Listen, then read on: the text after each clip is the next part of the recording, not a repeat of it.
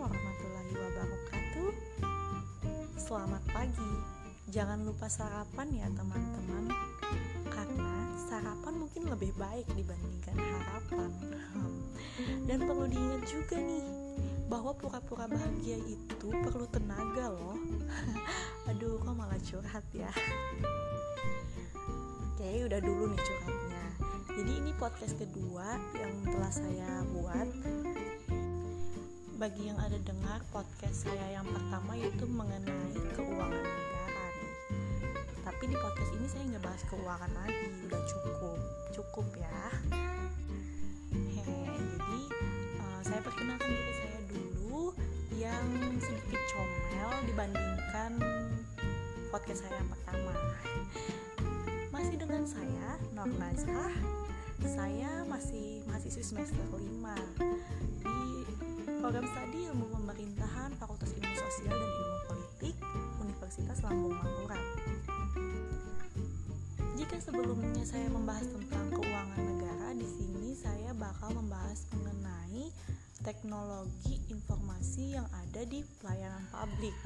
Karena tugas ini untuk memenuhi mata kuliah teknologi informasi pemerintahan ya.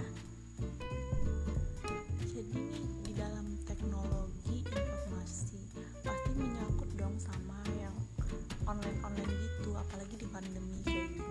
Nah jadi banyak banget nih di kala pandemi yang mungkin pelayanannya banyak diubah menjadi online contohnya aja nih ya kayak pengalaman pribadi sih sebenarnya. Aku tuh pernah ditilang. Jadi karena ngelawan arah gitu. Jadi kan dikasih tuh surat tilangnya polisinya nanti bayar tilangnya di bank aja gitu.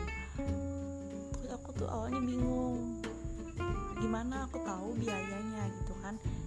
Jadi ya udah aku coba cari tahu ternyata ada nih layanan yang namanya e-tilang atau elektron tilang gitu ya.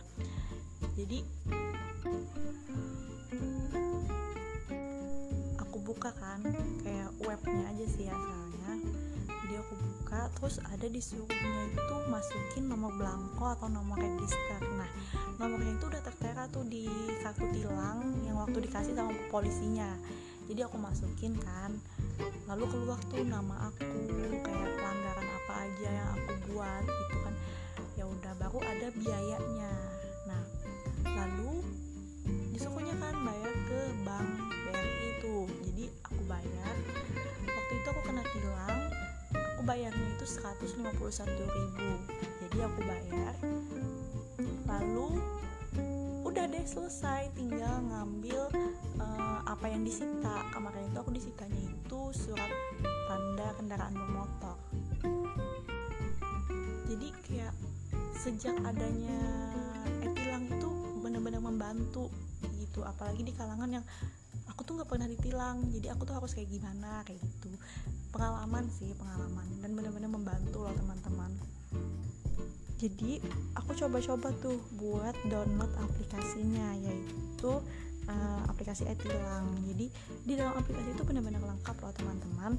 Ada pilihan untuk cek denda terus BRI terdekat cek cara bayar serta ada prosedurnya. Jadi cara bayarnya itu yaitu bisa melalui Briva e-tilang yaitu ATM-RI atau melalui mobile banking juga bisa dan benar-benar detail gitu. Nah lalu juga ada prosedurnya harus kayak gimana gimana setelah bayar itu benar-benar lengkap dan sangat-sangat membantu untuk kaum awam seperti aku yang sebelumnya belum pernah ditilang gitu.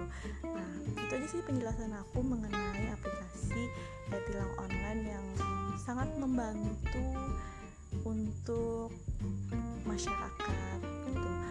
Jadi um, segitu aja sih penjelasannya. Jadi segitu aja aku dapat ngejelasinnya ya. Oke jadi um, salam hangat dari aku. Tetap jaga kesehatan tetap pakai masker di kala pandemi kayak gini Oke, sekian dulu ya teman-teman.